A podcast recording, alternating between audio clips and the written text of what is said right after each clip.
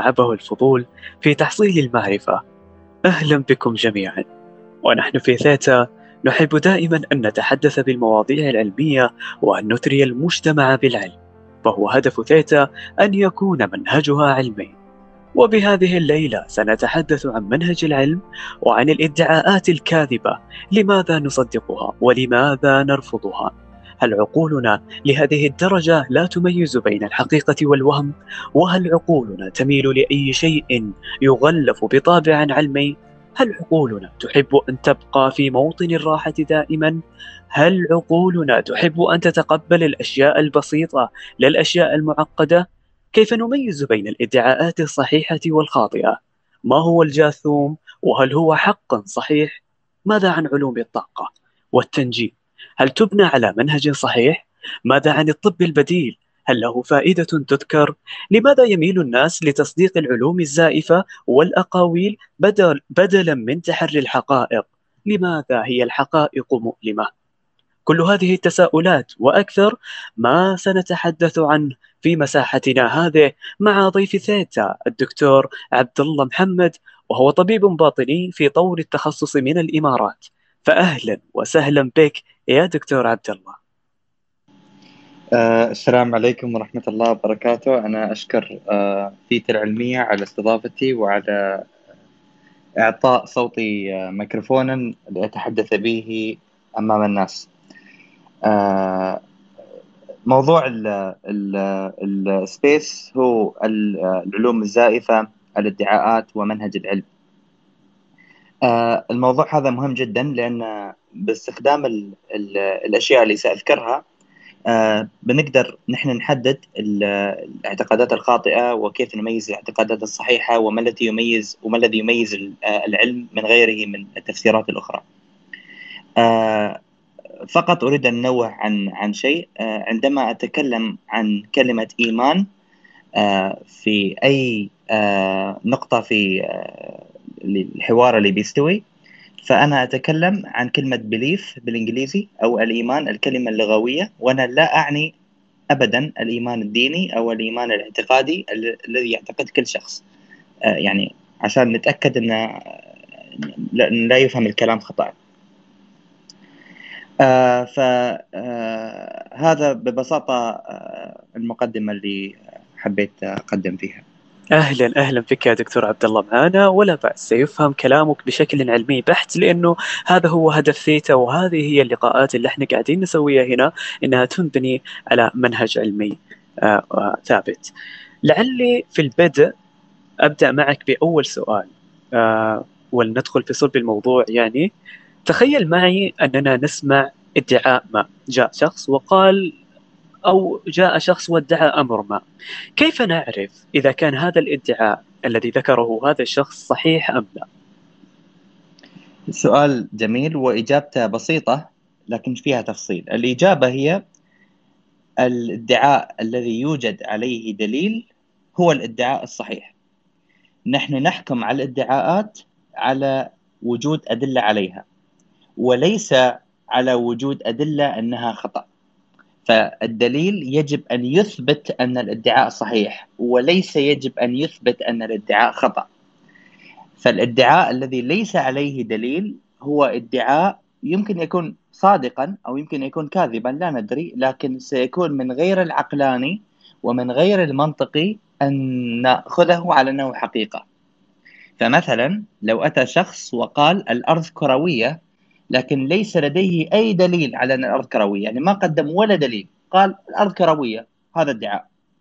سيكون من غير المنطقي أن نقول أن الأرض كروية بناء على كلامه.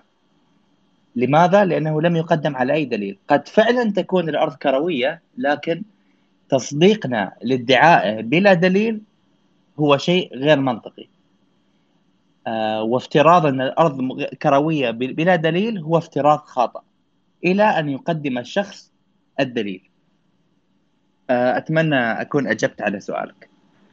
جميل جدا واضحة. يعني أنت آه، باختصار وكأنك تقول إنه الإدعاء ينبني بدليل. إن لم يأتي بدليل فهو باطل. بالضبط. فهو يمكن يكون فعلا موجود أو الإدعاء فعلا صحيح في الحقيقة أو يمكن يكون غير صحيح في الحقيقة لكن الإيمان فيه شيء غير منطقي. شيء آه لا يتوافق مع قواعد المنطق. هذا هو. أو غير عقلاني. هذا اللي نحن آه نريد نقوله يعني. رائع جدا.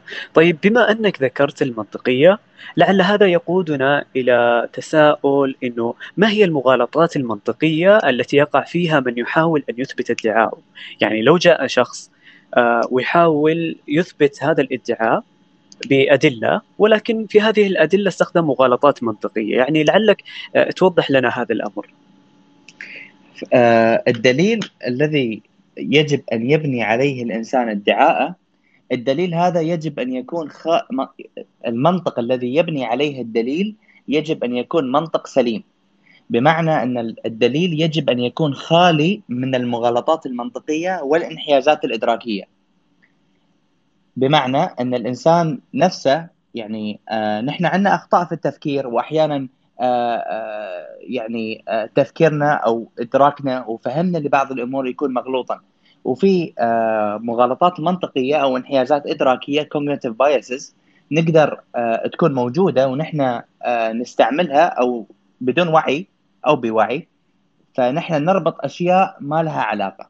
فمثلا هناك يعني مغالطات المغالطات المنطقية طبعا موضوع طويل جدا لكن في بعض المغالطات اللي أنا أشوف انها كثير ما تستعمل وهذه المغالطات فعلا اذا إذا تم استعمالها في أي دليل فهذا يثبت أن الدليل خاطئ أو المنطق الذي بني عليه الدليل خاطئ. فمثلا لو آه، هناك مغالطة اسمها الاحتكام إلى السلطة. فمثلا آه، مثلا أنا أقول أن آه، الأرض مسطحة لأن السياسي فلان يؤمن بأن الأرض مسطحة. كون أن السياسي يؤمن ب أو شخص الفلاني هو له منصب لا يعني أن ما يؤمن به صحيح. لأنك أنت تقيم الشيء على الأدلة لا تقيم على من يؤمن ومن لا يؤمن. قد يكون السياسي أو الرجل الذي آه، آمن آه، بهذا أو السلطة الذي احتكمت إليها هي سلطة لا تعرف الأدلة ولا تعرف العلم. فهذه هي المغالطة. الاحتكام إلى سلطة هي ليست أصلا سلطة في الموضوع. لكن ليس من المغالطة أن تقول مثلا أنا أؤمن بأن الدواء الفلاني ينفع آه، لمرض القلب لأن الأطباء كلهم يستعملون هذا الدواء في المستشفى. فأنت هنا احتكمت إلى سلطة من هم في أصحاب التخصص أو من هم في التخصص. فمغالطة الاحتكام إلى السلطة إنك تحتكم إلى سلطة هي أصلا ليست بسلطة أو ليس لها آه، آه، يعني ليس من من اختصاصها الموضوع اللي أنت اللي أنت تثبته آه، أو تناقشه من المغالطات الأخرى اللي يعني كثير من من يلتجئ إليها هي مغالطة الاحتكام إلى الجهل. هذه المغالطة آه، كثير كثير ما يستعملونها. المغالطة هي إذا أنت ما قدرت تثبت أن الشيء خاطئ فبالتالي هو صحيح. فمثلا إذا أنت ما قدرت تثبت أن هناك ج... أن ليس هناك ابدا أي جرة في كوكب زحل هذا يعني أن هناك جرة في كوكب زحل. طبعا هذا الاعتقاد خاطئ لأن عبء الإثبات يقع على مدعي الدليل فبالت... على مدعي آه، الادعاء. فبالتالي مدعي الادعاء هو من يجب أن يقدم الدليل وليس أنا الذي يجب أن أقدم دليل على أن الادعاء خاطئ. فمغالطة الاحتكام إلى الجهل أن تعتقد بأن الشيء صحيح لأنه لم يثبت خطأه. ممكن أن تقول أن الشيء ممكن يكون صحيح ممكن يكون خطأ لكن أن تزعم بأن الشيء صحيح 100% هذا يحتاج منك أنك تثبت تثبت هذا الشيء بدليل. آه، من المغالطات ال ال الأخرى التي تستعمل كثيرا وهذه مغالطة شائعة جدا مغالطة الارتباط والتسبب. فمثلا عندما يرتبط شيئان مع بعض في فترة زمنية قصيرة لا يعني ان ان أن أحدهما تسبب بالآخر. فخلني مثلا أسألكم سؤال آه آه ما هو أكبر سبب للموت؟ أكبر سبب في الموت هو النوم على السرير لأن أغلب الناس يموتون على السرير. طبعا هذا منطق خاطئ كون إن أغلب الناس يموتون على السرير لا يعني إن النوم على السرير يؤدي إلى الموت. هو صادف إن أغلب الناس يكونون كبار في السن وكبار السن يموتون في الغالب وكبار السن دائما يكونون نائمين على السرير لضعف المفاصل وغيرها فبالتالي نرى أغلب الناس يموتون على السرير و فالفكرة أن ارتباط شيئين مع بعض لا يعني أن أحدهما سبب الآخر. آه، وهناك مغالطة أخيرة من المغالطات اللي المنطقية وتستعمل كثيرا خصوصا في نظرية التطور مغالطة الشكوكية آه، وهذه المغالطة تقول أن والله الفكرة معقدة جدا لذلك هي خطأ. فمثلا لما تشرح لشخص نظرية التطور أو أي نظرية علمية معقدة مثلا تتكلم عن نظرية النسبية والزمن والضوء وكذا وتشرح بالأدلة آه، يقول لك يا أخي هذه النظرية صعبة جدا يا أخي مخي ما يستوعبها نظريتك خاطئة في تفسير أبسط. كون أن أنت عقلك لا لم يستوعب النظرية ولم يستوعب الفكرة التي يطرحها الشخص لا يجعل من الفكرة اللي يطرحها خاطئة. أنت تحكم على الدليل وعلى الأدلة التي يبني عليها الفكرة ولا تحكم على فهمك لأن فهمك يمكن يكون خاطئ أو مخك ما عنده الإدراكات اللي يمكن يفهمها أو يفهم الفكرة فيها. فهذه المغالطات المنطقية اللي أنا كنت أبغى أتكلم عنها. هناك انحيازات إدراكية هي ليست مغالطة في المنطق هي مجرد مغالطات في الفهم أو إشكالات في الفهم. آه وأبغى أتكلم عن عن شيء واحد آه انحياز تأكيدي أو confirmation bias وهذا الانحياز هو أكبر انحياز إدراكي موجود وحتى يسمونه the mother of all cognitive biases أو آه، الأم الانحيازات آه، الإدراكية كلها. مغالطة التأكيد هي أن تأخذ كل شيء أو كل حادثة توافق مبدأك ومعتقدك وتترك كل شيء يخالفه. وهذا شيء نستعمله في حياتنا يوميا. فمثلا نقول فلان كذاب لأنه كذب مرة واحدة في حياتنا. يعني مرة واحدة أنا شفت الفلان هذا يكذب فأنا أصفه بأنه كذاب ولا أثق منه أي شيء. اذا يمكن مرة واحدة كذب وصدق في كثير من المرات. فأنت تأخذ ما يوافق معتقدك معتقدك وهي فكرة الكذب وتترك أنه صدق في كثير من الأمور. أعطيكم مثال ثاني. آه مثلا آه لما نحن نشوف مشككي تطعيم آه مثلا خصوصا الحين في زمن كورونا فنضرب مثال على ذلك يقولون أن فلان أخذ التطعيم وأصيب بكورونا. آه، فلان ثاني أخذ التطعيم وأصيب كورونا وأصيب بكورونا. اذا التطعيم لا يفيد ضد الحماية بفيروس كورونا. طبعا هم أخذوا الحالات التي أصيب فيهم أو الحالات التي لم ينفع فيها التطعيم وتركوا مئات الحالات التي نفع فيها التطعيم. فهو يأخذ يعني مثل نسميها تشيري بيكينج أو نسميها قطف الكرز. هو يأخذ الأشياء التي توافق ما يعتقده ويترك الأمور الأخرى التي تعارض ما يراه أنه صحيح. طبعا الشخص هذا يقع في هذه المغالطة وهذا الانحياز الإدراكي بدون لا يقصد يعني هو شيء يفعله آه، آه، يعني من غير وعي في غالب الأحيان. فهذه المغالطات وهذه الانحيازات طبعا هي كثيرة جدا ويمكن تقرؤون فيها يعني. فهذه المغالطات وهذه الانحيازات تؤثر على الأدلة التي نستعملها وعلى أو تؤثر على حجية الدليل التي نستعمل أو نستعملها لإثبات ادعاء معين. لذلك آه، نحن آه، لازم نتخذ من منهجية تضع بعين الاعتبار المغالطات المنطقية كلها وتضع بعين الاعتبار جميع الانحيازات التأكيدية أو الإدراكية ونتأكد من خلالها أن التفسير أو الدليل هذا الذي يثبت ادعاء فكرة معينة أو يثبت ادعاء معين صحيح. هذه المنهجية لها اسم، هذا الاسم نعرفه كلنا وهذه المنهجية هي العلم. العلم ليس كتاب أو العلم ليس ورقة علمية أو العلم ليس آه، رأي أو ليس ليس هيئة العلم منهج منهج تستطيع من خلاله أن تكتشف إذا كان الادعاء هذا صحيح أم لا. آه وهذا هي يعني آه إجابة بالمختصر آه للسؤال الذي طرح. جميل جدا. رائع معلوماتك يا عبد الله. آه لعل بما أننا تكلمنا عن المغالطات وأن مدعي الادعاءات يستخدمونها كثيرا وبما أنك أيضا يعني ألمحت إلى العلم اذا أخبرني ما هو المنهج الصحيح الذي يجب أن نبنيه ولعل هذا يقودنا أيضا بما أنك ألمحت إلى العلم ومنهجنا علمي في ثيتا آه خلينا نسأل سؤال إنه ما هو العلم؟ ما هو منهجه؟ لماذا هو صحيح وكيف يعمل؟ أوكي آه طبعا هذا لما نتكلم عن فلسفة العلم أو كيف اكتشفنا المنهج التجريبي للعلم أو المنهج العلمي طبعا هذا موضوع طويل ومعقد لكن سأحاول أن أبسط الموضوع كيف يبدأ العلم؟ العلم يبدأ أنك آه ترى حدثين أو ترى حدث وتحاول أن تفسره. ترى أنماط موجودة في الطبيعة وتحاول أن تضع تفسير منطقي لهذه الأنماط. مجرد ما أن تضع تفسير منطقي أو تفسير يمكن أن يفسر هذه الأنماط هناك نسمي هذا التفسير فرضية. فتبدا تبدأ بملاحظة ثم تستنتج من الملاحظات ومن الأنماط فرضية. هذا الافتراض لازم له شروط. اولا الافتراض مالك لازم افتراض يمكن أن يثبت ويمكن أن يثبت بأنه خطأ. يعني أنت لازم افتراضك نقدر نحن نجربه.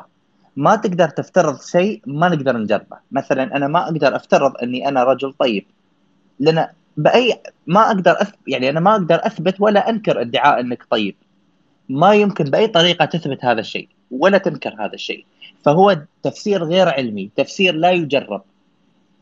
فتحتاج أنت تفسير أو طريقة ممكن أنت تجرب آه، أو التفسير هذا أو الفرضية هذه ممكن أن تجرب ممكن أن تثبت بأنها خاطئة. مجرد ما أنت تمتلك هذه الفرضية أو أو تستنتج هذه الفرضية نقوم بالتجربة. التجربة هذه يجب أن تكون هدفها مش إثبات أن فرضيتك صحيحة هدفها أن تثبت أن فرضيتك خاطئة. فمثلا لو أنا آه مثلا أنا آه سويت آه رأيت التفاحه تسقط فقلت إن هناك جاذبية أرضية. فتفسيري أن كل شيء موجود على الأرض سوف يسقط وسوف يتجه اتجاه إلى أسفل إذا لم تكن هناك قوة ترفعه إلى أعلى. مثلا هذا افتراض. فنبدأ نجرب. فأنا بجيب شيء ثقيل أريد أثبت أن فرضيتي خطأ. فأنا أبائي هدف التجربة أني آتي بشخص بشيء. الشيء هذا ما عنده قدرة أن ترفعه إلى أعلى والشيء هذا لا يسقط. فأنا أحاول أدور على أشياء لا تسقط ابدا. فأبحث وأبحث وأبحث وأبحث ولا أجد. وفي كل تج... وفي كل تجربة أحاول أن اضحد اضحد أو أو أثبت خطأ هذا الافتراض ولا يمكنني أن أثبت فر... خطأ هذا الافتراض لما لما تكثر التجارب على هذا الشيء هناك تنتقل الفرضية إلى ما يسمى بالنظرية. اذا النظرية هي فرضية كثر عليها التجارب وأثبتت بأنها توافق المشاهدات الموجودة كذلك لم يتم إثبات أنها خاطئة. يعني لم يكن هناك تجربة أو مشاهدة أو ملاحظة أثبتت أنها خاطئة.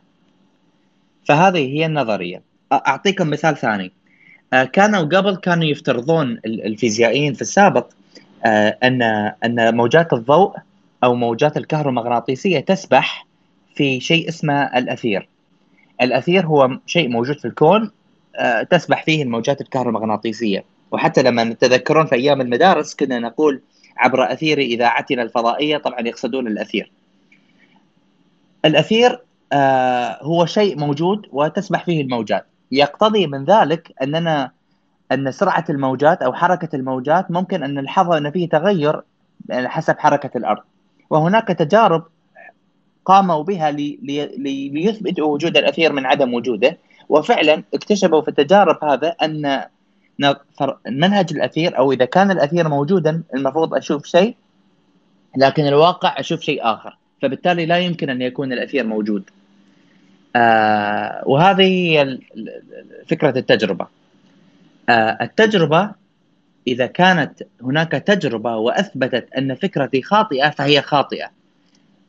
لا يهم مدى جمال الفكرة لا يهم مدى بساطة الفكرة لا يهم مدى أناقة الفرضية ولا يهم مثل كم أنا أحب الفرضية. الفرضية إذا عارضت التجربة فهي خاطئة تماما. ولما بنناقش العلوم الزائفة قريبا أقدر أضرب لكم أمثلة على تجارب أثبتت يعني خطأ بعض العلوم الزائفة. فهكذا هذا هو المنهج العلمي. فالعلم بشكل عام يعطي آه، يفسر الأشياء آه، بتفسير طبيعي بتفاسير ممكن تثبت وممكن أن أن لا تثبت آه، وممكن أن ممكن أن تثبت صحيحة وممكن تثبت خطأ خاطئة. العلم يأخذ بالحسبان أن الإنسان مخه غير كامل ويأخذ بالحسبان أن مخه قادر على أن يرتكب الأخطاء ويأخذ بالحسبان أن الذاكرة الذاكرة البشرية آه، ليست كاملة. لذلك العلم لا يأخذ بالسرد القصصي ولا يأخذ بالتجربة الشخصية.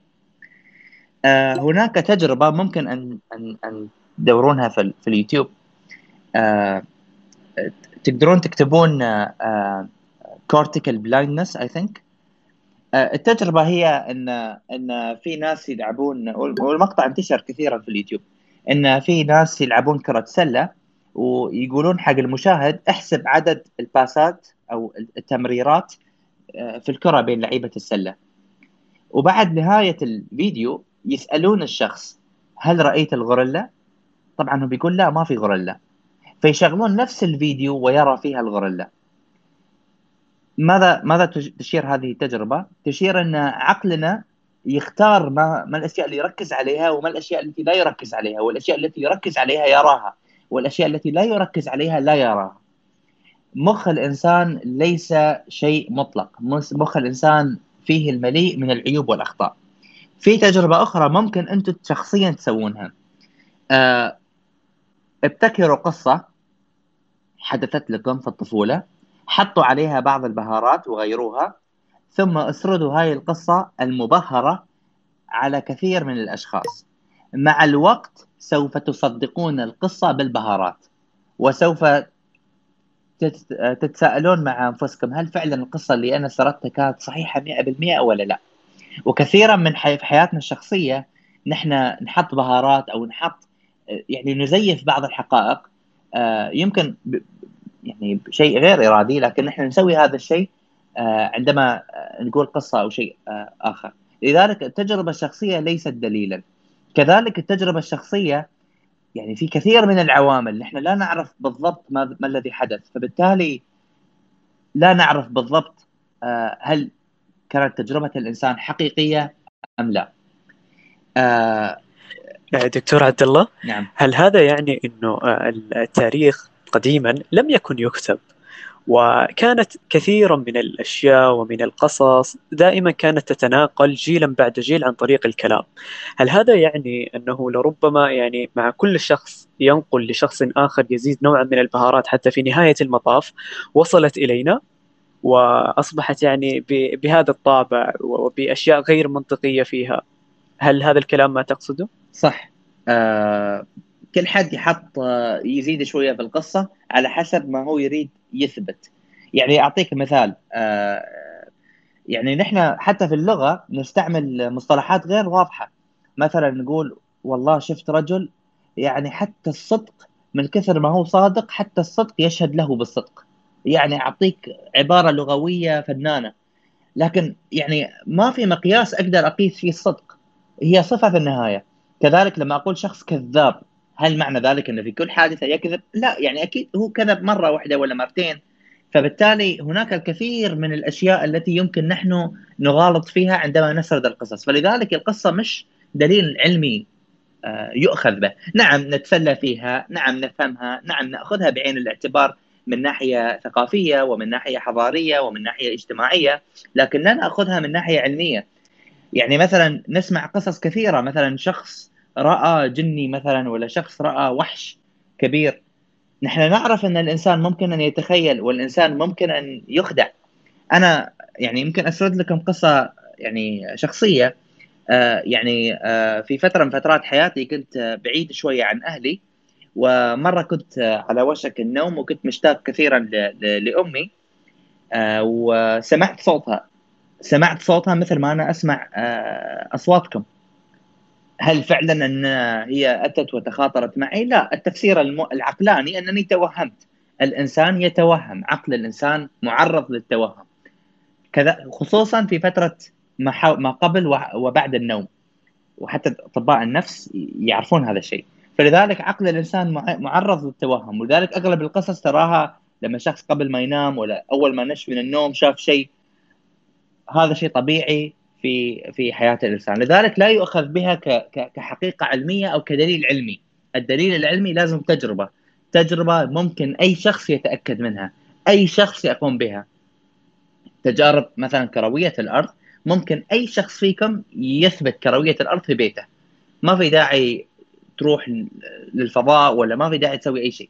ولا ولا في داعي تسمع كلام الناس الثانيين اللي قالوا لك إن الأرض مسطحة أو الأرض كروية آسف هي تجربة ممكن تفعلها. فالعلم هي هي هو ادعاء ممكن أن يجرب التجربة هذه قابل أن الادعاء هذا قابل أن يبحث أو أو ان أو يثبت خطا. والتجربة يجب أن تكون تعاد يعني مش تجربة مرة واحدة تتسوى على كثير من المرات. وفي شيء أخير أن هذا الادعاء يوافق ما كل ما نعرفه. يعني الادعاء يجب أن يوافق ما نعرفه من المعطيات الأخرى. إذا ما كان يوافق والتجارب أثبتت أنه هي صحيح صح أن الادعاء صحيح نقول أن الادعاء في هذه الجزئية صحيح لكن لحين مش كامل. فمثلا نظرية نيوتن في الجاذبية آه كانت صحيحة لكنها فشلت في تفسير مدار كوكب عطارد. فنظرية نيوتن أخذت أنها صحيحة ومعادلة نيوتن أخذت أنها صحيحة لكن قيل أنها ليست كاملة. ليش؟ لأنها لم تفسر جزء كوكب عطارد إلى أن أتى ألبرت أينشتاين ووضع معادلته النسبية العامة فأكمل الثغرة التي لم تكملها نظرية نيوتن وكذلك فسر كل ما فسرت نظرية نيوتن. فنظرية نيوتن هي دقيقة وصحيحة لكن نظرية أينشتاين أعم وأدق وأصح. آه فهذا موضوع العلم. فالعلم بشكل عام هو يفسر الأشياء بطريقة طبيعية. آه، أريد أذكر آه، قصة جميلة آه، وممكن توضح الصورة بشكل أفضل. افترض أن أنني قلت لكم أن هناك تنين في بيتي. فمثلا عفوا ممكن مثلا نفرض أن في واحد فيكم اسمه ناصر ناصر أتى وشاف واحد وشافني وقال لي عبد الله خلاص أنا في حياتي ما شفت تنين تنين يعني ما أقدر أصدق إنه في تنين خلنا بشوف التنين مالك اللي في البيت. فدخلت ناصر أنا وناصر دخلنا البيت البيت لم يكن فيه تنين كان في أريكة كان في كرسي كان في كل شيء بس ما في ما في تنين. فناصر قال لي عبد الله أين تنينك؟ فقلت التنين غير مرئي. فناصر قال لي لا مشكلة. فراح رش طحين على الأرض. قال أنا بشوف آثار أقدام التنين. فقلت لناصر التنين دائما يطير. فناصر قال لا مشكلة. أنا آه، بقيس درجة حرارة آه، النار الذي ينفث التنين فقلت لناصر التنين ناره طبيعية 100% يعني يعني نفس درجة حرارة الغرفة. يعني ما بتقدر تقيسها بمقياس درجة الحرارة. فقال لي ناصر مش مشكلة. آه، برش مثل صبغ. الصبغ سيلتصق بجلد التنين فسأراه. فقلت لا التنين جلده ما يلتصق بالصبغ فنظر إلي ناصر وقال ما الفرق بين تنين غير مرئي؟ يطير دائما. ناره آه، لا يمكن أن يقاس لا يمكن أن تقاس آه، وجلده لا يلتصق بالصبغ وبين تنين غير موجود أصلا. فهذه هي الفكرة. إنك تدعي ادعاء لا يمكن أن أثبت أنه خطأ هو نفس ما أنك أنت ما تدعي أي ادعاء. ما الفرق بين ادعاء لا يمكن أن أثبته ولا يمكن أن أثبت أنه خطأ وبين ادعاء غير موجود أصلا؟ آه كذلك هذه القصة تشير إلى شيء آخر أن التنين هو ادعاء آه فوق الطبيعي extraordinary فالادعاء الغير طبيعي يحتاج إلى دليل غير طبيعي. لو مثلا قال أنا قلت لناصر أنني رأيت سيارة سوداء ما بيقول تعال خلنا أشوف السيارة لأن السيارة السوداء كلنا نراها. لو قلت لناصر أن هناك باص أمام بيتي ويقف لصدقني بدون حتى أن يراني ولم يطلب حتى دليل لأن هذا شيء شائع ونراه. لكن مجرد ما تقول شيء خارق للعادة تنين وحش عنده سبع رؤوس طبق طائر آه، الجني الأزرق لازم تثبت لازم تحتاج إلى دليل قوي لأن هذا ادعاء قوي آه، فهذه هي نقطة آه، العلم خلنا أضرب لكم بعض الأمثلة عن تفاسيرها العلمية أو التفاسير المنطقية والتفاسير الغير منطقية. آه، في سنة من السنوات آه، كنت نائم وحلمت في النوم آه، بأن شخصية مهمة تتوفى. قمت من النوم وفعلا الشخصية هذه توفت. يعني شخصية مهمة في العالم العربي. كيف أفسر هذا الشيء؟ طبعا الكثير يمر بهذه التجارب والتجربه معروفة إن يحلم بشيء وفجأة يكتشف إن الشيء هذا صحيح فيقول إن واو هذا شيء غريب أكيد أتاني آه إلهام ولا أتاني شيء آه خارج عن الطبيعة و... وأعطاني هذا هذا هذا الشعور. في الحقيقة هذه صدفة وصدفة رياضية جميلة. في العالم هناك ملايين من الأشخاص يموتون يوميا. وأنا أعرف كثير من الأشخاص. وأنا كل يوم أحلم. فطبيعي إني أنا مرة أحلم بحلم والحلم هذا يرتبط بشخص والشخص هذا يموت. هي صدفة رياضية شيء رياضي محسوب ممكن نحسبه. لأن هناك كثير من الأشخاص يموتون. لكن نحن كبشر آه، نضيف معنى للموضوع. آه، نحن ما نقدر نتقبل مخنا ما يتقبل الصدفة كثيرا لذلك نحن نربط الأشياء. كذلك لما نرى صدف غريبة مثلا وهذه وهذه تحصل كثيرا. نفكر في شخص نحن أنا أنا وربيعي نحش في شخص ونسبه وفجأة هذاك الشخص يدق أو يتصل فيني. فنقول عمره طويل ولا نقول هذا كثر الله خيره. طبعا هذا هذه صدفة. إن أنا عندي أستقبل الآلاف من المكالمات كل يوم.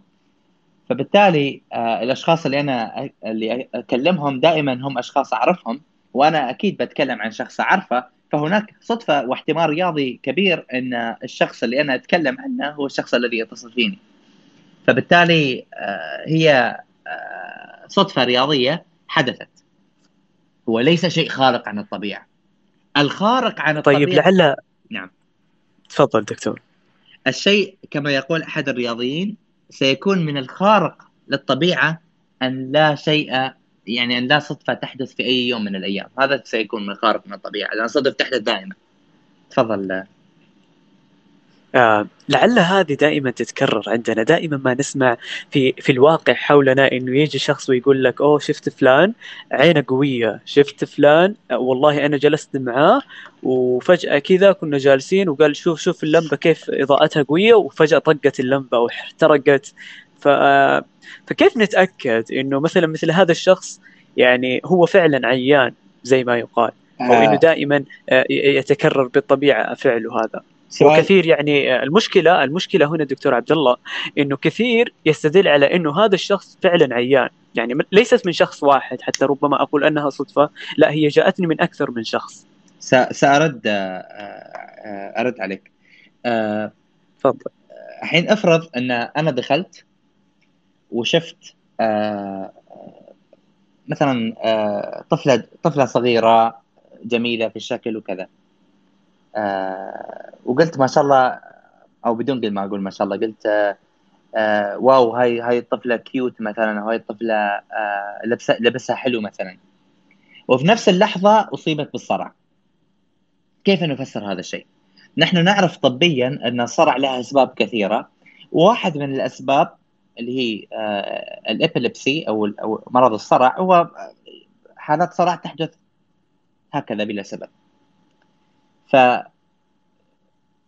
بما أن الشيئين ارتبطوا مع بعض لا يعني بالضرورة اننا أن كلامي تسبب بأنها تحدث إلى الصرع. كيف أتأكد من كلامي أنه تسبب بالصرع؟ سهلة. يجيب 50 طفلة صغيرة ولبسها بنفس اللبس. آه، أو أو خلينا نقول 100 طفلة صغيرة بنفس اللبس. قسمهم مجموعتين 50 و... 50 و50 روح عند ال 50 وقول نفس الكلمة لكل وحدة مع الإرادة إنها تصاب بالصرع وخذ المجموعة الثانية بدون ما تقول لهم. وشوف نسبة الصرع في المجموعة الأولى مقارنة بالمجموعة الثانية. إذا كان في اختلاف فهناك نقدر نقول أن كلامي ممكن له علاقة في الصرع. ثم الحين لازم نفكر ما الذي جعل كلامي يخليهم مصابين بالصرع؟ هل فعلا آه، النبرة الصوتية آه، أو هل فعلا إرادتي؟ هل مثلا لو شخص ثاني له نفس الإرادة سيخليهم يصابون بالصرع؟ هل هو في شيء أنا بنفسي آه، كشخص سببت لهم؟ هل أنا تلاعبت بالتجربة مثلا؟ هل أنا ما أعرف يعني سويت شيء معين؟ فهناك نسوي دراسات أكثر. لكن حادثة واحدة فقط لا تدل على أي شيء لأن الارتباط لا يعني تسبب. هذه مغالطة منطقية. وهذه نشوفها كثيرا. آه، أريد أذكر لكم إن شاء الله أجبت على السؤال. آه. جدا أجبت وكانت إجابتك رائعة. تفضل كمل خلني خلني أذكر لكم على مثال وهذا المثال جميل جدا في موضوع العلم والمنهجية العلمية. كان هناك رجل آه، ألماني اسمه ويليام. هذا الرجل كان له حصان ذكي. فكان كان شو يسوي؟ كان يروح عند الحصان ويعرض للحصان عملية رياضية. الحصان مثلا يقول للحصان خمسة زائد اثنين فالحصان كان يضرب بخفة سبع مرات ويتوقف. فكانوا الناس مدهوشين. كيف حصان استطاع أن يعرف الرياضيات؟ يعني هذا الشيء كان رهيب. حتى تقدرون تكتبون كليفر هانز وتشوفون تقرون عن التجربة. فأتى رجل علم آه، عالم آه، طبيب نفسي أظن أو عالم نفس ورأى الطبيب النفسي أن الذي يحدث في الحقيقة هو أن العالم الرياضي هذا اللي هو ويليام آه، صاحب الخيل عندما يقول العملية الرياضية يتغير وجهه عندما يصل إلى الجواب الصحيح. فهو مثلا لما يوصل في مثال 5 زائد 2 لما يوصل للرقم سبعة هو يتغير وجهه لأنه يخاف أن الحصان يضرب بقدمه آه، ويعد ثمانية فيطلع أنه هو مثلا مخطئ أو يطلع أن فكرته أنه هي خاطئة. فلما الحصان يقرأ والحصان ذكي نعرف أن الكائنات الثدييات لها نوع من أنواع الوعي ولها نوع من أنواع الذكاء البدائي. فاستطاع الحصان أن يقرأ تعابير وجه آه، مربيه لأنه يعرفه طبعا بسنين طويلة. ف... ف... فلا يتوقف فلا يضرب الحافر وفعلا تم إثبات هذا خطأ هذا الشيء بانه ياخذوا الحصان ويابوا واحد ثاني غير المربي وسووا نفس العمليات الرياضية والحصان فشل في كلها. فبالتالي هذا هذا شيء واضح يثبت لك المنهجية العلمية. يعني هذا ادعاء أن الحصان يعرف الرياضيات نقيم بتجربة ونغير المتغيرات ونفعل تجربة أكثر من مرة نغير العامل نغير ونحاول نفهم ما السبب وفعلا اكتشفنا السبب وفهمنا ليش هذا الشيء يصير. لو ما كان عندنا العلم لكان الافتراضات مفتوحة. الحصان هذا عبقري هناك مخلوق غريب جدا يدخل في عقل الحصان ويجعله إنسان حصان واعي أو هذا الحصان له قدرة خارقة. ممكن أن نفسر هذا التفسير بمليون ألف طريقة لكن العلم كشف لنا ما هي الطريقة المنطقية بأدلة ممكن أن نتأكد منها. وبتجارب واضحة. آه كذلك حتى لما نتكلم عن الجاثوم آه واحد كان نايم وفجأة قام وأحس بثقل في صدره. ما هو الشيء المنطقي أكثر؟ هل هو ادعاء أن هناك جني قاعد على صدره؟ زين كيف أنا أتأكد أنه جني قاعد على صدره؟ ما هي الطريقة اللي أقدر أكشف على هذا الجني؟ ما في طريقة. الجني القاعد على الصدر هو نفس تنين كارل ساغان، هو نفس التنين الذي لا أراه ولا يطير ولا يمكن أن أكتشفه. هو ادعاء لا يمكن أن نثبت أنه خطأ ولا يمكن أن نثبت أنه صحيح هو مجرد ادعاء. ادعاء لا يمكن أن نتأكد منه. ما كيف أفهم هذا الشيء؟ أفهم هذا الشيء عن طريق مقياس موجات الدماغ عن طريق أن أفهم كيف يعمل النوم. وطبعا نحن نعرف السبب العلمي وراء الجاثوم. السبب العلمي وراء الجاثوم هو شيء اسمه sleep paralysis أو شلل النوم أن بعض آه، آه، مثل إن إن العقل أو أو الدماغ يستيقظ آه، خلال خلال فترة الحلم الدماغ آه، مثل يخدر آه، بعض العضلات عشان أنت ما تضرب نفسك وأنت تنام وأنت تحلم. فلما فيصير بطريقة أن أن الدماغ يستيقظ من النوم لكن العضلات تبقى مشلولة. وهذا الشلل نوعا ما يسبب ثقل من الصدر وكذلك من الخوف يسبب الخوف. فالحل أنك أنت تسترقي وتسترخي وتتذكر أن هذا شيء طبيعي وسيذهب مع الوقت. آه، من التجارب المخيفة جدا اللي يمكن الإنسان آه، يسمعها. فهذا أظن آه، بشكل عام الكلام عن العلم. هناك نقطة أخيرة بس أريد أتكلم عنها وبعدين يمكن ننتقل على السؤال التالي. هل هناك هناك ادعاءات؟ لا يمكن أن نتأكد أنها صحيحة ولا يمكن أن نتأكد خاط أنها خاطئة. يعني ليس هناك دليل انها صحيحة وليس هناك دليل أنها خاطئة. هل هذه الادعاءات بالضروره 50 50 أو هل هي بالضروره يعني في الوسط؟ يعني احتمالية أن تكون صحيحة أو احتمالية تكون خاطئة هي نفس الشيء. وضح هذا المثال الفيلسوف برنارد راسل. آه ضرب آه مثال جميل. آه وهي جرة إبريق الشاي الموجود في حلقات زحل. فقال ما احتمال وجود إبريق شاي بين حلقات زحل. طبعا هذا نحن ما نقدر نثبت أن هذا الإبريق موجود ولا يمكن أن ننكر أن الإبريق هذا موجود. لم لم نضع شيئا يراقب حلقات زحل دائما. فلا نعرف. لكن احتمال أن يكون إبريق شاي آه، مصنوع بصناعة بشرية موجود في كوكب كوكب غازي احتمال قريب جدا من الصفر. ف بمجرد أننا لا نستطيع أن نثبت أن شيء خطأ أو لا نثبت أن نثبت أن شيء صحيح لا يعني أن احتمال وجوده وعدمه هو 50% احتمال يمكن يكون قريب من الصفر مثل إبريق شاي برنارد راسل. ويمكن يكون احتمال محتمل كثيرا مثل احتمال وجود مخلوقات فضائية. مثلا نحن لم نرى مخلوقات فضائية إلى الآن. ولا يمكنني أن ولا ولا يوجد أي دليل أن أنها موجودة ولا يوجد أي دليل أنها غير موجودة. لكن هناك احتمال رياضي أنها ممكن أن تكون موجودة لأن الكون كبير جدا ولا نعرف جميع ما في الكون.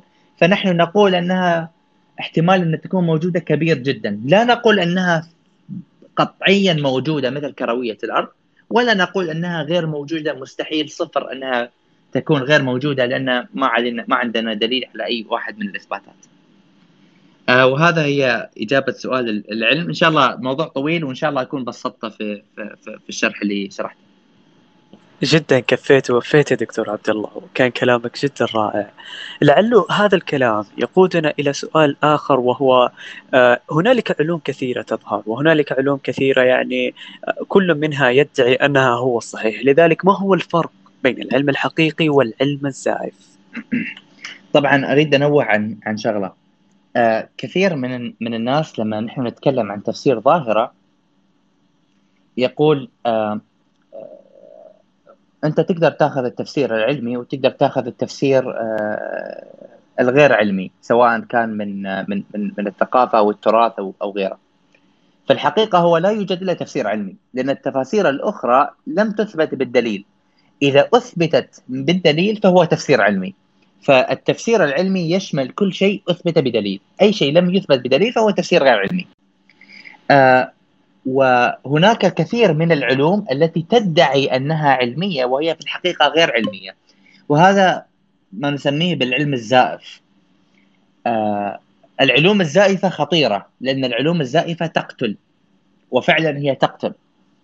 آه هناك قصص كثيرة عن أناس آه شخصوا بالسرطان آه ولما نعرض عليهم علاج بالكيماوي أو نعرض عليهم العلاج بال العلاج بالأشعة الراديو radiological treatment يرفضون هذا الشيء. يقولون انه لا لا لا نحن نخاف من الطب الطب في أضرار جانبية. فيلجؤون إلى أشياء أخرى آه، أشياء لم يثبت عليها أي دليل.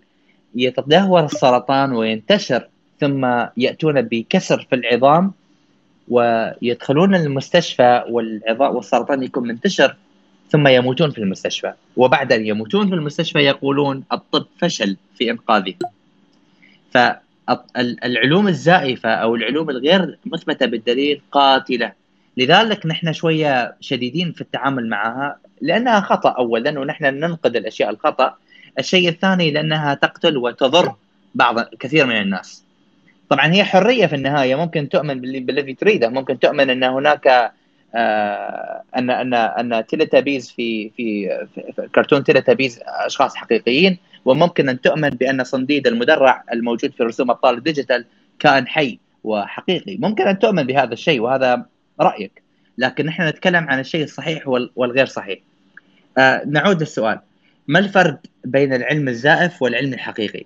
اولا العلم الحقيقي يدرك قصور الإنسان ولما نتكلم عن العلم الحقيقي أثبتنا أن نحن نتكلم عن عن منهجية تضع قصور الإنسان في في في في في المعلوم وتحسب له حساب لذلك لا نأخذ بتجارب شخصية. كذلك العلم في أمور يعرف أنه لا يعرفها. يعني مثلا هناك أشياء كثيرة في الطب لا نعرفها. ونحن نقول هذا المرض لا نعرفه ولا نعرف علاجه ولا نعرف أسبابه. هناك أبحاث قائمة هناك دراسات نفعلها وهناك تفسيرات لكن لا نعرف إلى الآن ما هو التفسير الصحيح ولا نعرف إلى الآن العلاج الصحيح. نحن لا نكذب. نقول الحقيقة نتواضع نقول أننا لا نعرف نقول ما هو القصور البشري. العلم الزائف لا يقول بذلك. العلم الزائف يدعي بأنه صحيح يدعي بأنه سيظل صحيحا يدعي بأن الصحه كلها له. فمثلا أتحداك أن تجد رجل أو يعني شخص يؤمن بعلم الطاقة. علوم الطاقة اللي هو يقول أن الإنسان لديه هالة من الطاقة آه، محاطه حوله. فيقول ويقول أن هناك معالج يتحكم بالطاقة وتركيزها في جسم الإنسان. آه، يقول لك هذا العلم صحيح وتم إثباته ولا يمكن أن أغير رأيي فيه ولا يمكن أن يكون خاطئا. ومهما أن تأتي به بأدلة أنها خ... أنه خاطئ سيظل يقتنع بتجربته الشخصية وسيقتنع بالعلم. بالعلم الزائف طبعا فهو علم لا يمكن أن أن أن لا يعترف. بإمكانيته أن يكون خاطئا ولا يعترف بأنه خاطئ كذلك من مؤشرات العلوم الزائفة آه أنه يقطف الكرز يسوي تشيري بيكينج يعني يأخذ الدراسة الضعيفة التي يعني لا عليها أدلة كثيرة ولا عليها مراجعات ولا ولا منشورة في مجلة علمية ضعيفة يأخذ بها ويقول أنها الحقيقة وينكر الدراسات القوية المنشورة في مجلات علميه مرموقه والتي عليها مراجعات ويقول أن هذه هذه الدراسات خاطئة. تذكرون الانحياز الادراك الانحياز التأكيدي confirmation bias بالضبط. قطف الكرز. يأخذون الشيء الذي يوافقون يوافق منهجهم ويرفضون ما يخالف منهجهم. كذلك يؤمنون كثيرا بالتجربة الشخصية والقصص.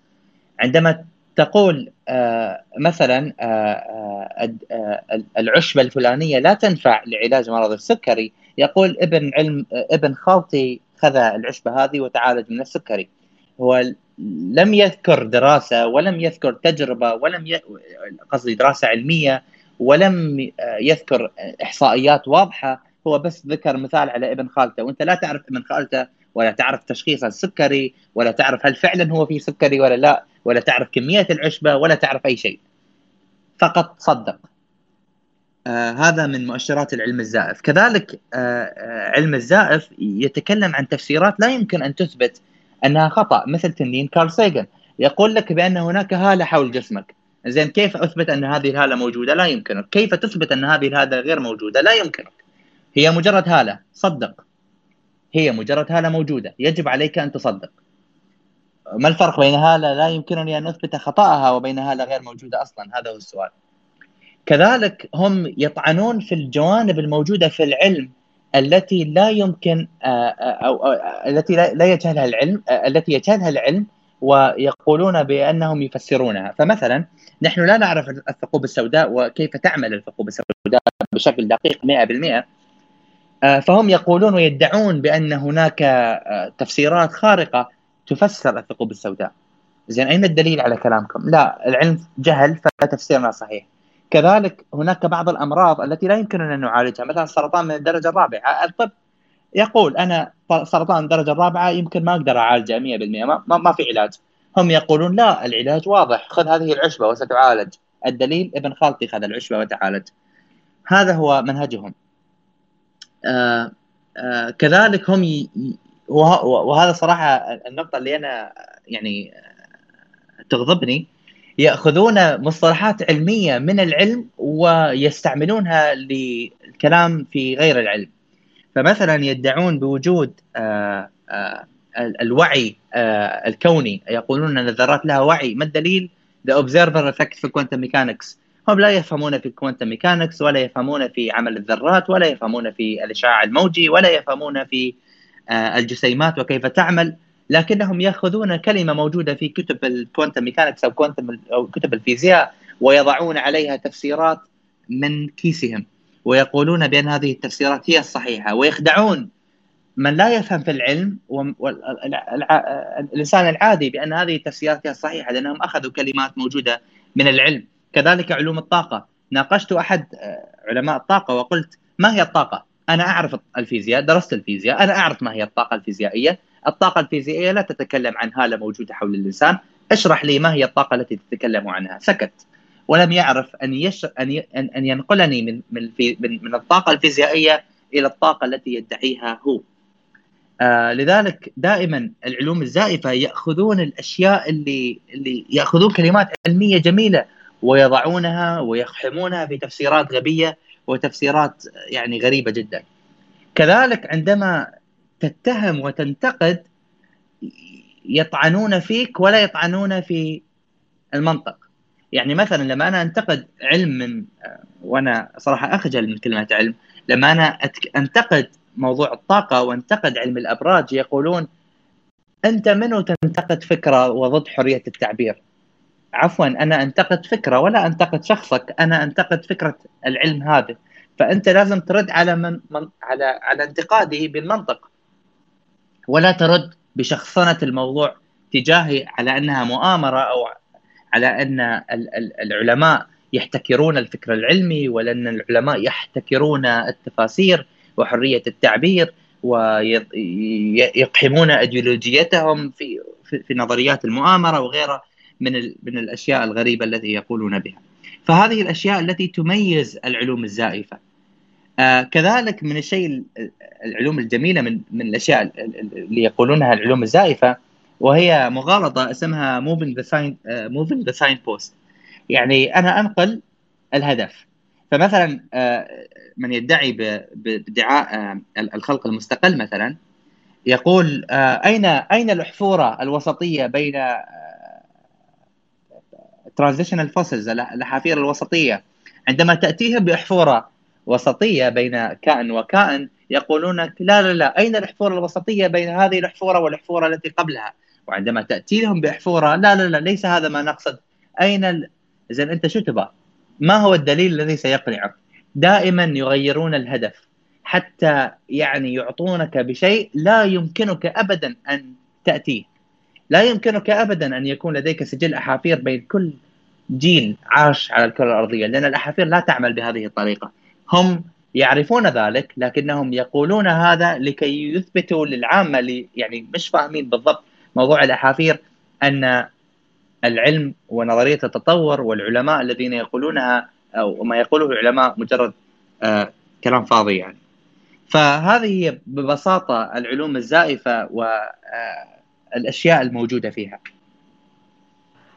وددت بصدق أن تتكلم ولا تسكت ونحن فقط سنستمع. ما أجمل كلامك يا عبد الله.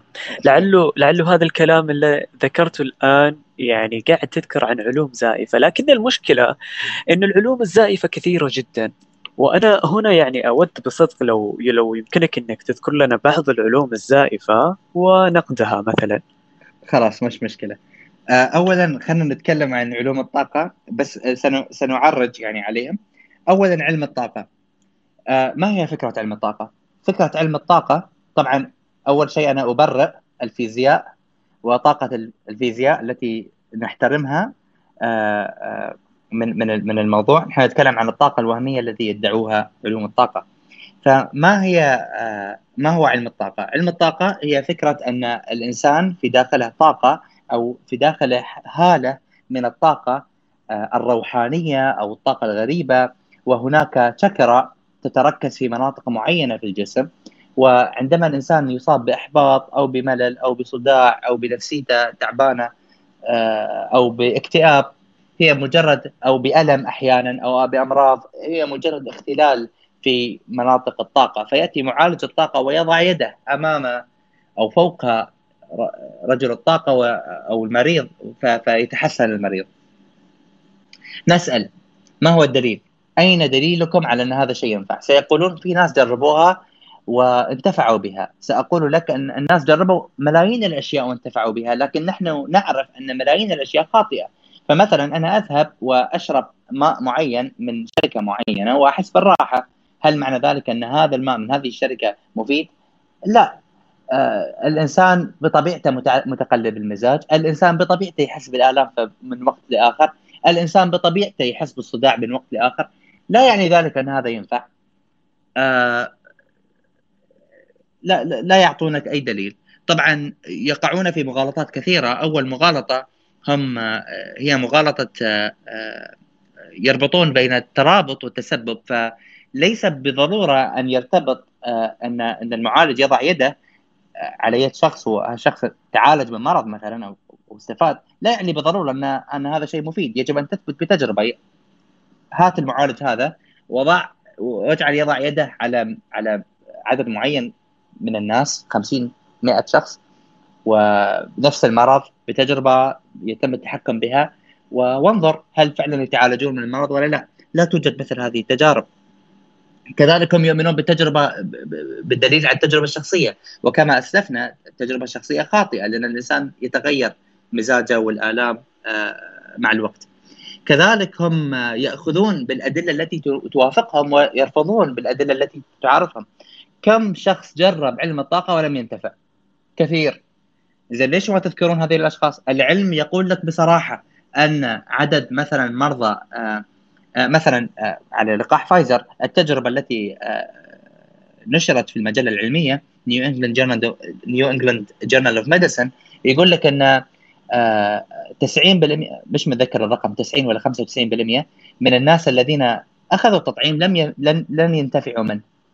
هذا رقم موجود في الطب وكذلك عندنا نفس الأرقام في أدوية أخرى نقول أن هناك مثلا رقم معين من من المرضى لن ينتفعوا بهذا الدواء، نحن نعرف هذا هذا الشيء ولا نكذب، نقول يا أخي هذا الدواء ينفع 70% من الناس، 30% ما ينفعهم. لكن العلوم الزائفة لا يقولون هذا، يقولون لا. آه العلم ينفع ينفع الجميع ومن لا ينفع المشكلة فيه. لا. هم لا يأخذون بالحالات التي لم ينتفع منها. كذلك هم طبعا إحنا لسنا لسنا ملزومون بأن نحن نثبت أنهم خطأ لكن إحنا أثبتنا أنهم خطأ. هناك طفلة يعني تخيل طفلة عمرها 11 سنة أثبتت أن علم الطاقة خطأ. أتت ب 21 معالج من مختصين علوم الطاقة والذين شهدوا لهم الناس بأنهم ناس رائعين ووضعت أمامهم حاجز ووضعت في الحاجز فتحة. وأدخلوا آه، يعني وضعت إن آه، جعلت إن يدخلون ايديهم في الفتحة ووضعت يدها من تحت ايديهم بحيث إنها تكون في مسافة. آه، وطلبت منهم أن يكتبوا هل يحسون بإيدها أو لا. ومرات تشيل إيدها ومرات تحط إيدها. والورقة العلمية موجودة يعني ممكن الكل يبحث عنها. ونشرت في مجلة مرموقة جدا جامه آه، طبعا أثبتت الورقة العلمية أن هناك 44% نسبة صح آه، نسبة أن يكونون أنهم فعلا يحسون بشيء. يعني 44% من من المرات هم فعلا أحسوا بشيء.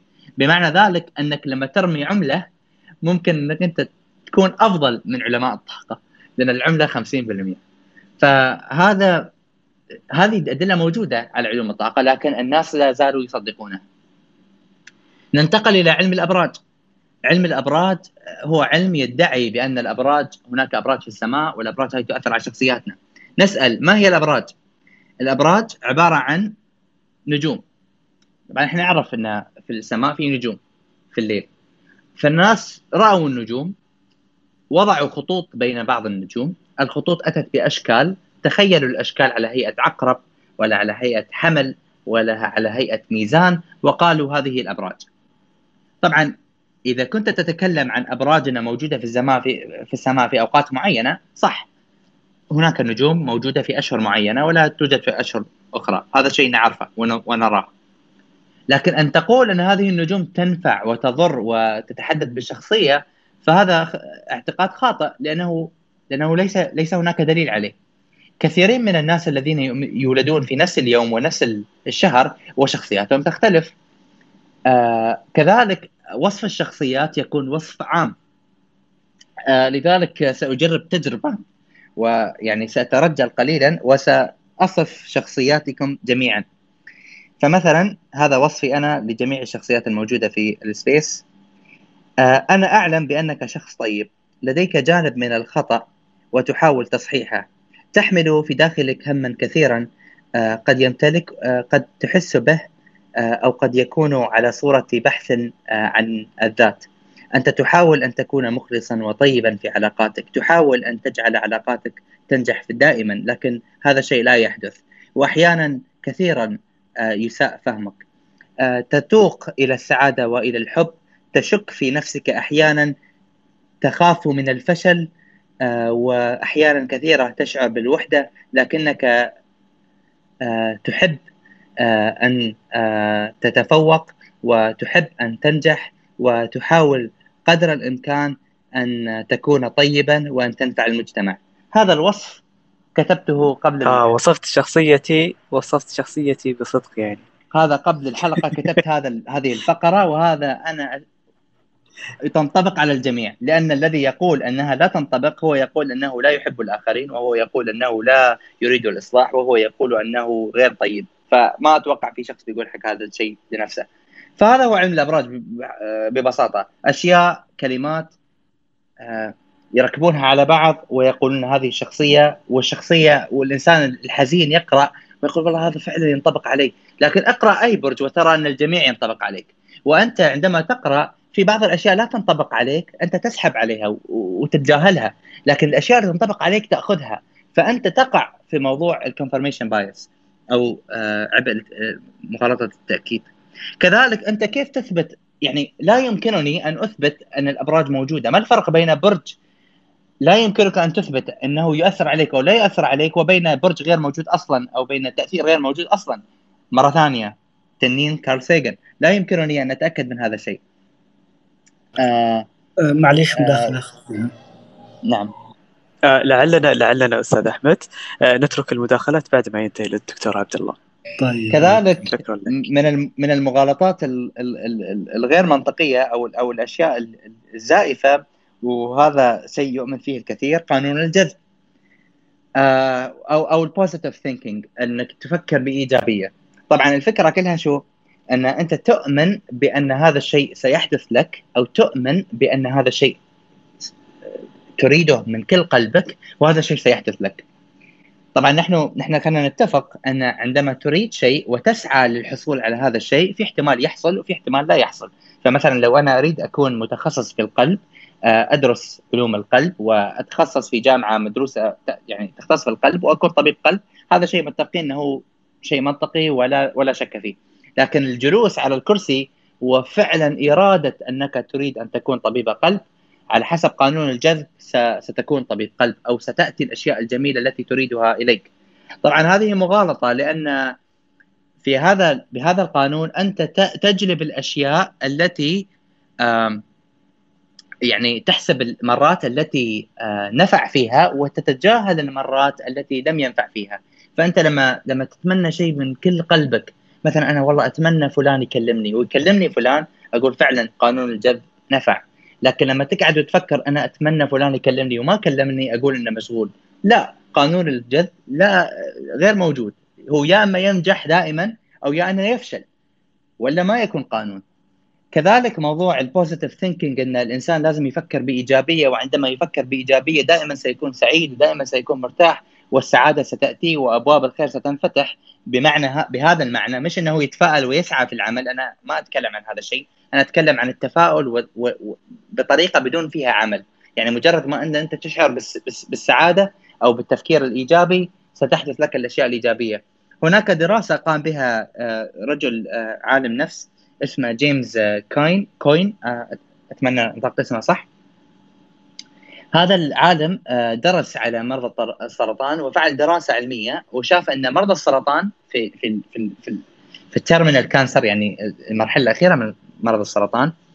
آه، آه، إذا كان المرضى اللي كانوا يحسون عندهم تفكير متفائل زيادة عن اللزوم وتفكير إيجابي بشدة عندما اتت أتتهم لحظاتهم الأخيرة كانوا أتعس وكانوا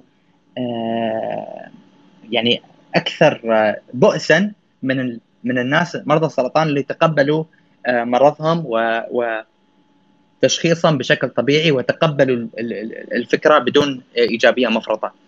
فهذا ادله ان أن قانون الجذب أو التفكير الإيجابي آه، هي مجرد آه، كلام فاضي.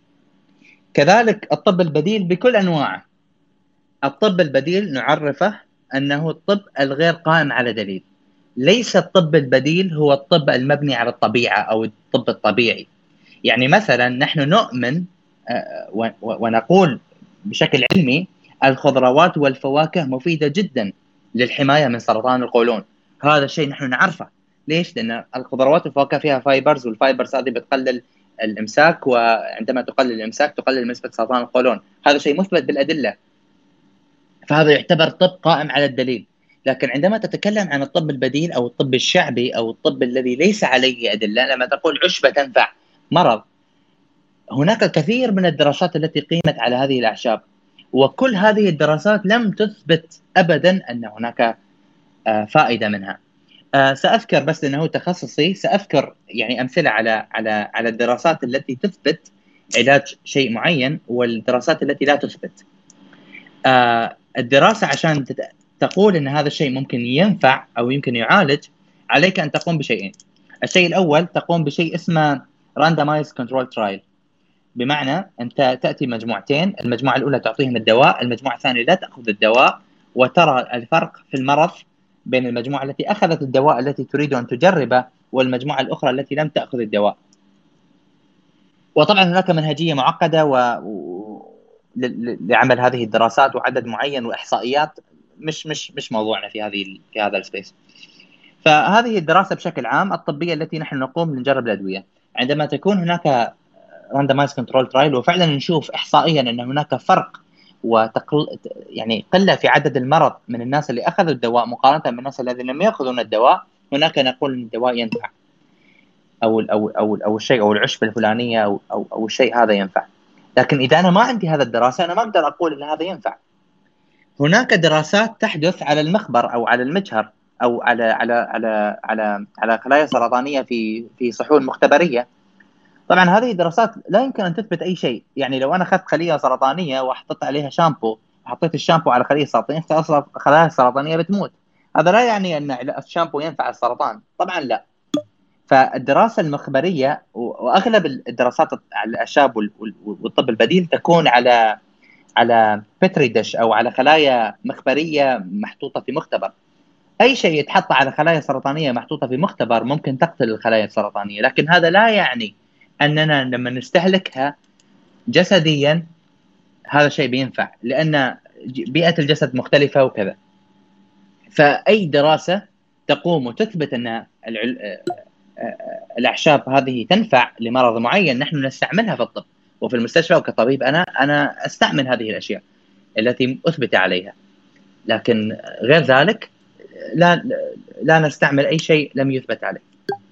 آه وهذه صراحة أظن آه، يعني على عجالة بعض العلوم الزائفة التي آه، يعني كنت اريد ان آه، أتطرق لها.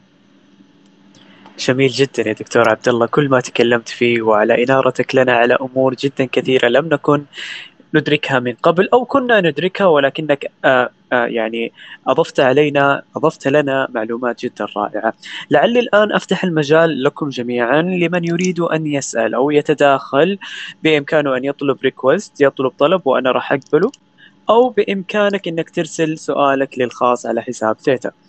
آه الأستاذ أحمد تفضل أنت كان لك سؤال وأنا قاطعتك تفضل.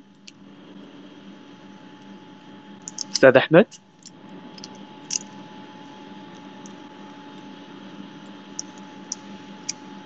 طيب لعل الأستاذ أحمد دقيقة بس يكون... دقيقة. طيب ما في مشكلة. آه، خلاص خلاص لعل بما انك الآن موجود. طيب تفضل. طيب آه، أول شيء العلوم الزائفة الادعاءات منهج العلم. على أي أساس يتم تحديد العلم الزائف من غير الزائف؟ هذا أول شيء. ثاني شيء هو ل أو خليني خلينا هذه. أنا برأيي إن كل شيء مؤثر على كل شيء. كل شيء يتأثر بكل شيء آخر. آه فلما نقول علوم الطاقة إيش علوم الطاقة اللي نقصدها هنا؟ أوكي؟ فاذا كان قصدك العلوم اللي فيها الأدراج وهذا أنا صراحة ما أنا مطلع فيها كفاية. لكن آه، اللي متأكد منه إنه مثال اكتمال القمر يؤثر في المد والجزر ليش إن الكواكب الأخرى ما تؤثر بنفس بطريقة أو بأخرى؟ يعني ممكن واضحه هنا آه الجواب آه يعني إذا كان اكتمال القمر أو أو عدم اكتماله يؤثر فينا إحنا حتى. فليش آه الكواكب الأخرى ما لها تأثير؟ وضح السؤال. آه اولا لا يوجد دليل علمي قوي على أن آه أن ولا يوجد دليل علمي أصلا ان أن اكتمال القمر يؤثر على نفسيات البشر. هي مجرد طيب آه هو يأثر هي مجرد على المحيط على البحر صح؟ عفوا هي ممكن أجاوب؟ أكيد أكيد. آه طيب أستاذ آه أحمد أنا أنا أعتقد انه سؤالك واضح. آه أنت سألت شطرين من أو سؤالين من أيوة. احرى آه جميل خلاص. آه الآن نترك المجال للدكتور عبد الله إنه يجيبك. آه الجواب ليس هناك دليل أن آه القمر يؤثر على نفسيات الأشخاص اولا. آه لكن فعلا القمر يؤثر على المحيطات و آه والجزر. كون القمر قريب منا وله جاذبية. لكن الكواكب الأخرى هي بعيدة بحيث أنها هي لا تحمل جاذبية كفاية على انها تؤثر آه آه يعني إذا كان القمر اللي هو أقرب شيء عنا ما في دليل أنها هي تؤثر فينا فمنطقيا الأشياء البعيدة لن تؤثر علينا. ولا يوجد دليل على أنها تؤثر علينا إلى أن يأتي ذلك الدليل الذي يثبت بأن الكواكب الأخرى أنها تؤثر علينا فبالتالي يمكن يعني إذا إذا في دليل أكيد بنصدقه لكن لا يوجد أي دليل ولا أي تجربة ولا أي شيء. طيب أقدر أتكلم الآن؟ ممكن. آه. آه. طبعا تفضل. اولا بخصوص هذا تأثير القمر على البحر جسم الإنسان آه عبارة عن معظمه عبارة عن سوائل تقريبا 70% سوائل ليس كذلك؟ فليش صح. ما يتأثر زي ما يتأثر البحر؟ يعني إيش اللي يمنع؟ آه آه الجواب إن آه أول شيء كمية المياه اللي موجودة في المحيط يعني أنت ما تقدر تقارن محيط بجسم إنسان آه آخر لأن كمية السوائل الموجودة في جسم الإنسان مختلفة كثيرا عن آه آه نسبة الماء الموجودة في المحيط هذا واحد الشيء الثاني آه هذه فكرة موجودة أصلا وكثير من التجارب قيم عليها والتجارب هذه أثبتت أن ما في ابدا أي علاقة بين آه القمر وبين الإنسان ف آه، يمكن نظريا يمكن تقول أن جسم الإنسان مكون من ماء ويمكن يكون مؤثر أو شيء لكن لا لا يوجد أي تجربة والتجارب كلها التي رأت هذا الارتباطات لم ترى أي شيء ابدا ولا ولا يوجد أي صلة بين القمر وبين جسم الإنسان. لعلي أضيف هنا نقطة لك أستاذ أحمد وهي ببساطة للجميع أيضا. أنت تعرف إنه في الثانوية إحنا درسنا قانون نيوتن للجذب صحيح؟ أيوه آه واضح جدا قانون نيوتن الآن لو جربت قانون نيوتن بما أن القمر هو جسم له كتلة ونحن أيضا كبشر أجسام لنا كتلة. جرب الآن خذ القانون هذا وعوض فيه عوض كتلة القمر وعوض أيضا كتلتك أنت يا أحمد وعلى مربع المسافة وستجد أن النتيجة التي ستظهر لك آه، يعني صغيرة جدا جدا جدا. لذلك تأثير القمر عليك سيكون صغير جدا جدا جدا. بينما الآن خذ خذ كتلة المحيط ككل البحر ككل تمام؟ وحاول أن تقارن البحر مع تأثير القمر. ستجد أن هنالك تأثير وناتج أكبر من القيمة التي أنت حصلت عليها لما جربتها على على جسمك على نسبة الماء في جسمك. آه، فهمت؟ اذا هذا هو. هذا القانون يخبرك أنه التأثير جدا قليل. الأمر الآخر ربما البعض لا يعرف أن الشمس أيضا لها تأثير على المد والجزر لعل هذا الإجابة تكون شافية لك أنه ليش ليس هنالك تأثير من القمر على أجسامنا. جميل جميل. لا تقول ليس هنالك تأثير قول التأثير ضعيف. هنا أنا راح أكون معك. آه هو هو التأثير لما يكون ضعيف فهو مهمل. لا لو لو كانت لا نعتبر أن هنالك تأثير. لو كانت المؤثرات كثيرة جدا راح يتأثر الشخص. آه أحمد آه إلى إلى إلى عفوا إلى أن تحدث تجربة تثبت بأن طبائع البشر تختلف لما يكون القمر مكتمل ولا القمر هلال. يمكن يعني انت أنت زي اللي يقول معليش كل شيء خطأ حتى يتم إثباته كل كذلك؟ أنا بالنسبة لي كل شيء كل أنا شيء أقول أن غير الشيء محكوم عليه حتى يتبين من صحته. بالضبط بالضبط أيوه. بالضبط. آه، صوتي ف- واضح؟ أيوه واضح واضح. صوتك واضح واضح. ف- إيه، بالضبط. من- من- فاذا. من هذا المنطلق على أي أساس يكون الحكم على علم زائف من غيره؟ دامنا ما نقدر نتبين أصلا من حقيقته أو عدمها. لا نحن ما نقول إنه مستحيل نحن- نحن ما نقول إنه مستحيل يكون هناك تأثير على القمر على الإنسان ولا نقول إنه مستحيل. 100% لا يمكن أن يكون هناك طاقة في الجسم. أنا أقول إنه لم يتم إثبات هذا الشيء. ال- الإدعاءات التي تدعي هذا الشيء كلها خاطئة. ليس هناك أي دليل. والتجارب التي قمنا عليها لا تثبت ابدا أي شيء. إلى أن تأتي بتجربة فعلا تثبت هذا الشيء أو تثبت هذا الادعاء هناك سنصدقك. مش نحن بنصدقك. اكتب ورقة علمية والعالم كله سيصدقك وسأهديك جائزة نوبل بنفسي. لكن لا يوجد أي شيء من هذا من هذا القبيل آه، أستاذ أحمد. فنحن ال- ال- ال- المنطقي أننا نقول أن الإيمان بأن القمر له تأثير على جسم الإنسان هو ادعاء غير منطقي غير مبني على أي دليل. أنت حر في اعتقاد ما تريد لكن هذا يظل شيء غير منطقي شيء غير مثبت بالتجربة شيء ليس له أساس. فهمت علي؟ أيوه فهمتك فهمتك. آه كمان جميل- جميل, جميل, كلامك. دكتور آه، عبد الله. في مداخلة تفضل خالد. ماجد تفضل تفضل خالد. إضافة بسيطة بس. آه، أتفق مع كل كلمة قلتها يا دكتور عبد الله وأضيف إنه آه، التأثير المادي لا يعني بالضرورة إنه بيغير شيء فعلا. إنه بيغير مثلا من الحالة المزاجية أو بيغير من الصدف أو بيزيد من ال... يعني ما في علاقة بين الشيئين فبالتالي ربطهم ليس بالضرورة صحيح. مجرد تخمين. آه، ما في أبحاث تقول والله إنه مثلا إذا زاد إذا جاء تأثير القمر وزاد على الجسم إنه بيتحسن المزاج أو بيسوء المزاج إنه بيقوى الشخص أو بيضعف. فهو إيش التأثير أصلا اللي ممكن تخمنه أنت؟ مجرد تخمينات كلها ليس إلا. جميل جميل. يعني أفهم من كلام من آه، كلام. أحمد أحمد آه، أنا أعتذر منك لكن لضيق الوقت وهنالك جد للأمانة طلبات كثير وأسئلة كثير. فعلى عجالة اختصر آخر سؤال لك فضلا. أحمد تسمعني؟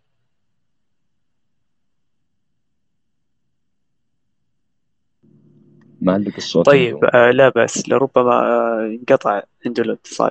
آه الأخت سعاد عندك مداخلة؟ طيب سعاد غير موجودة علي عندك مداخلة؟ آه إي نعم تفضل آه يمكن المداخلة مستقبلية جدا لكن آه، هل في يوم من الأيام ممكن الذكاء الاصطناعي يقدم لنا آه نموذج علمي آخر غير اللي إحنا مستندين عليه؟ لا أتوقع ذلك صراحة. هو ممكن ممكن الذكاء الاصطناعي آه، يقدم تفسيرات يعني يمكن أسرع من البشر. يعني مثلا لو حطينا كل المعط... يعني أنا قرأت في مكان مش متأكد إذا هذه المعلومة صحيحة أو لا ممكن يفيدوني الإخوة الموجودين. آه إن إن آه إن لو أخذنا المعطيات اللي كانت موجودة في زمن نيوتن ووضعوها في كمبيوتر ضخم الكمبيوتر توصل إلى نظرية النسبية قبل البشر. فيمكن يكون أسرع في استنتاج بعض التفسيرات لكن أنا لا أظن ان أن منهجية العلم سيكون فيها من ما هي أقوى منها. هذا رأيي صراحة. رائع دكتور عبد الله. آمل أن الجواب وصلك يا علي. آه محمد أو عبد المنعم أحد فيكم عنده مداخلة؟ ولا نختم؟ آه عندي مداخلة عندي مداخلة. تفضل. آه في البداية حاب آه أشكر ثيتا وال طبعا القائم على ثيتا كل القائمين عليها لكن شخص بالتحديد هو ماجد يعني. فشكرا لك ماجد. آه ش- شكر و- للجميع للأمانة آه وشكرا دكتور عبد الله. صراحة نتشرف وجود أطباء آه مثلك. أتمنى إني أكون مريض عندك. الله يحفظك. طبعا الله. منو أنا؟ تفضل. طبعا أنا هذه اعتبرها مداخلة يعني. أنا شخص آه، تقدر تقول نكرة غير متعلم أو شيء. لكن آه، في قوانين آه، غير قابلة للتطبيق واقعيا. مثل لو بنتكلم عن الفضاء لو بنتكلم عن ال quantum physics تقدر تقول إن ما نقدر نطبقها واقعيا. مثل ما تقول إن نظرية أينشتاين في الرجوع للزمن يعني. مثبتة فقط رياضيا. فلو نرجع نقول شنو هو شنو هو الرياضيات؟ الرياضيات أنا غير مختص بالرياضيات لكن الرياضيات معتمد اعتماد كلي على علم المنطق. أو جزء كبير منه معتمد على علم المنطق مثل A زائد B يساوي C. فإذا C تساوي A وهكذا يعني. فهذا يعني يدخل المنطق. هل بنتسال عن عن علم المنطق؟ هل علم المنطق قائم على التجربة مثل الشيء علم الفلسفة يعني. هل نقدر نقول إن علم الفلسفة علم زائف؟ لأنه غير قابل للتجربة. اللي يدرسون الفلسفة هذا هل يعتبرون يدرسون علم علوم زائفة أو لا؟ أه وشكرا. آه العلم الزائف آه شوف من الفلسفة آه هي مجرد أفكار تساعدنا على فهم العالم اللي آه الخارجي أو على تطوير أشياء نقدر نسويها في حياتنا. فهو خارج نطاق العلم. هو أصلا العلم أصلا خرج من منابع الفلسفة. فالفلسفة هي أفكار.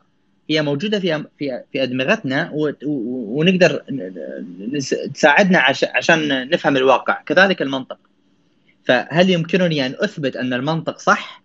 لا يمكنني أن أثبت المنطق صح لكن المنطق أخرج لنا كل شيء نحن نشوفه وقاعد يعطينا desired effects قاعد يعطينا المنتجات المخرجات المعرفية الموجودة. فإلى الآن ال ال ال طبعا هذا هذا نقاش فلسفي.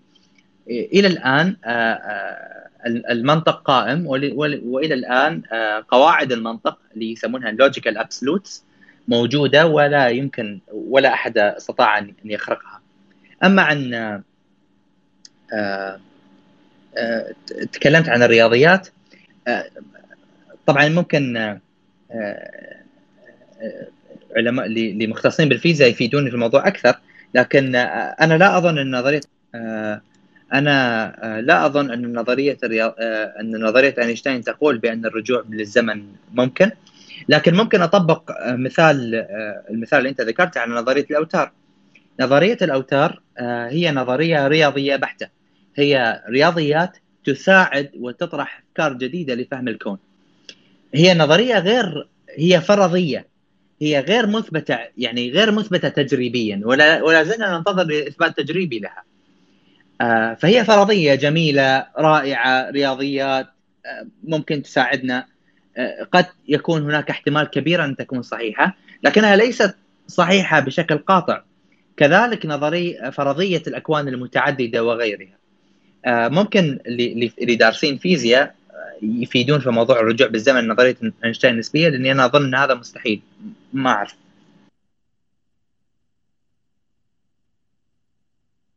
آه، تمام رائع شكرا. جدا جوابك. آه شكرا. آه، أتمنى إن الجواب وصل يا محمد. شكرا على المعلومه لعلي لعلي أفتح المجال أو ننهي النقاش. آه أحد عنده مداخلة أخيرة؟ أنا عندي أنا عندي. تسمح لي ماجد؟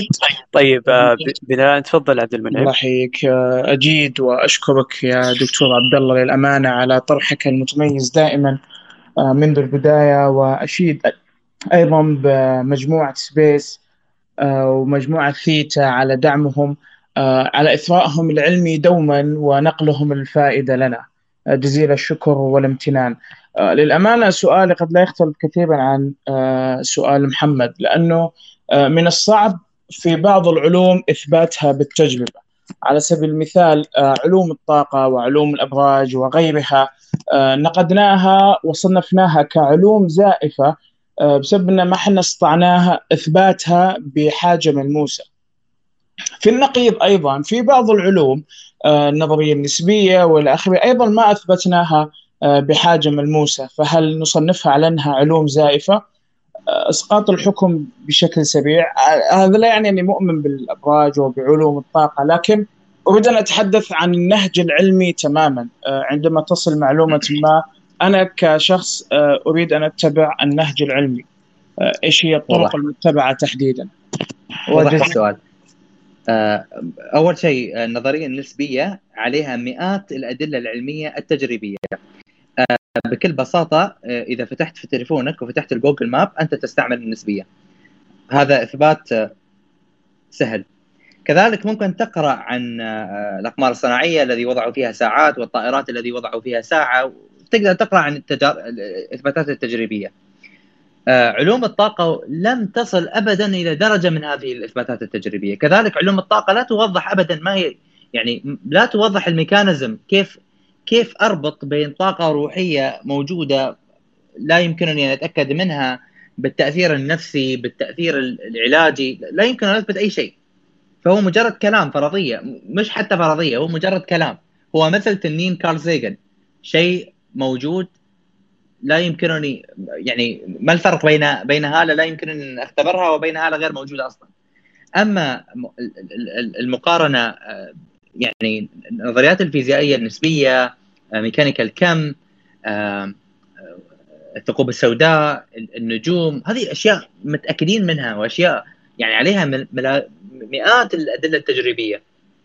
ممكن تبحث عنها في أي كتاب علمي وستجد ما يتجك حتى يعني. أكثر مما أنا ممكن أفيدك.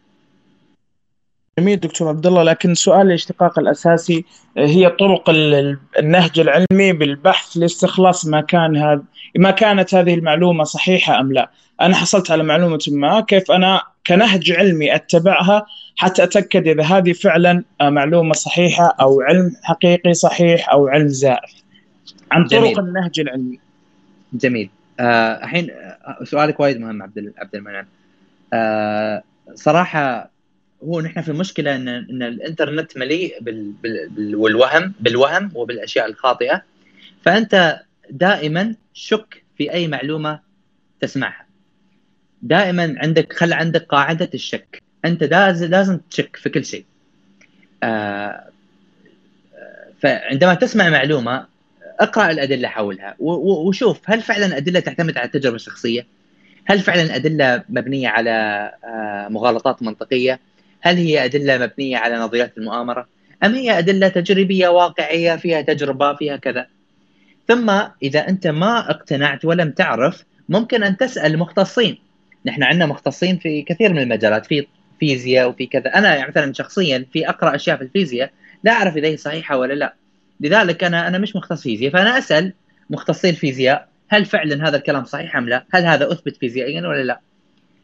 آه فبالتالي هذا اللي ممكن أنت تقدر تسويه ك كرجل غير مختص في بعض العلوم.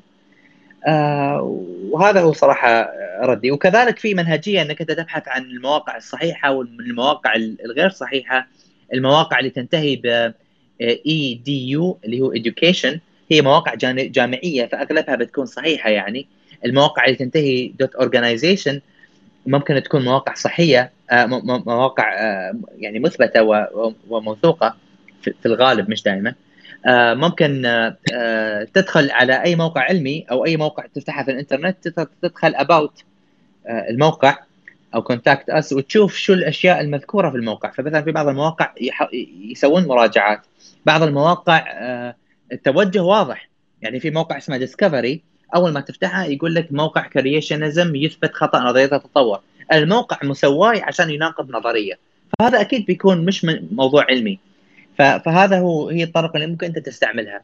لكن كمنهجية علمية علم الطاقة لا يمكن أن يقترب حتى من أي علم مثبت علميا سواء فيزياء ولا كيمياء ولا ولا طب ولا أي شيء. لأن هذا ما عليه أي تجارب وهذاك عليه تجارب كثيرة. جميل جدا يا دكتور عبد الله. بالفعل اللي كنت أيضا أحاول من سؤالي لفت النظر إليه لأن في أشخاص كثير أيضا لما آه عندهم رغبة بالبحث عن المعلومه مجرد ما يكتب في جوجل تطلع لها الصفحات الكثيرة وغالب الصفحات هذه تكون اجتهادات آه شخصية. فمن القريب انه يكون يستدل فيها آه لأجل حاجة علمية. تكون صفحة مثلا منتدى معين اما أو حتى تكون صفحة شخصية أو حتى تكون مدونة ما تتبع أي نهج علمي. لذلك يعني وجب التنبيه جزء الامتنان يا دكتور عبد الله. العفو. بس بضيف شيء آخر.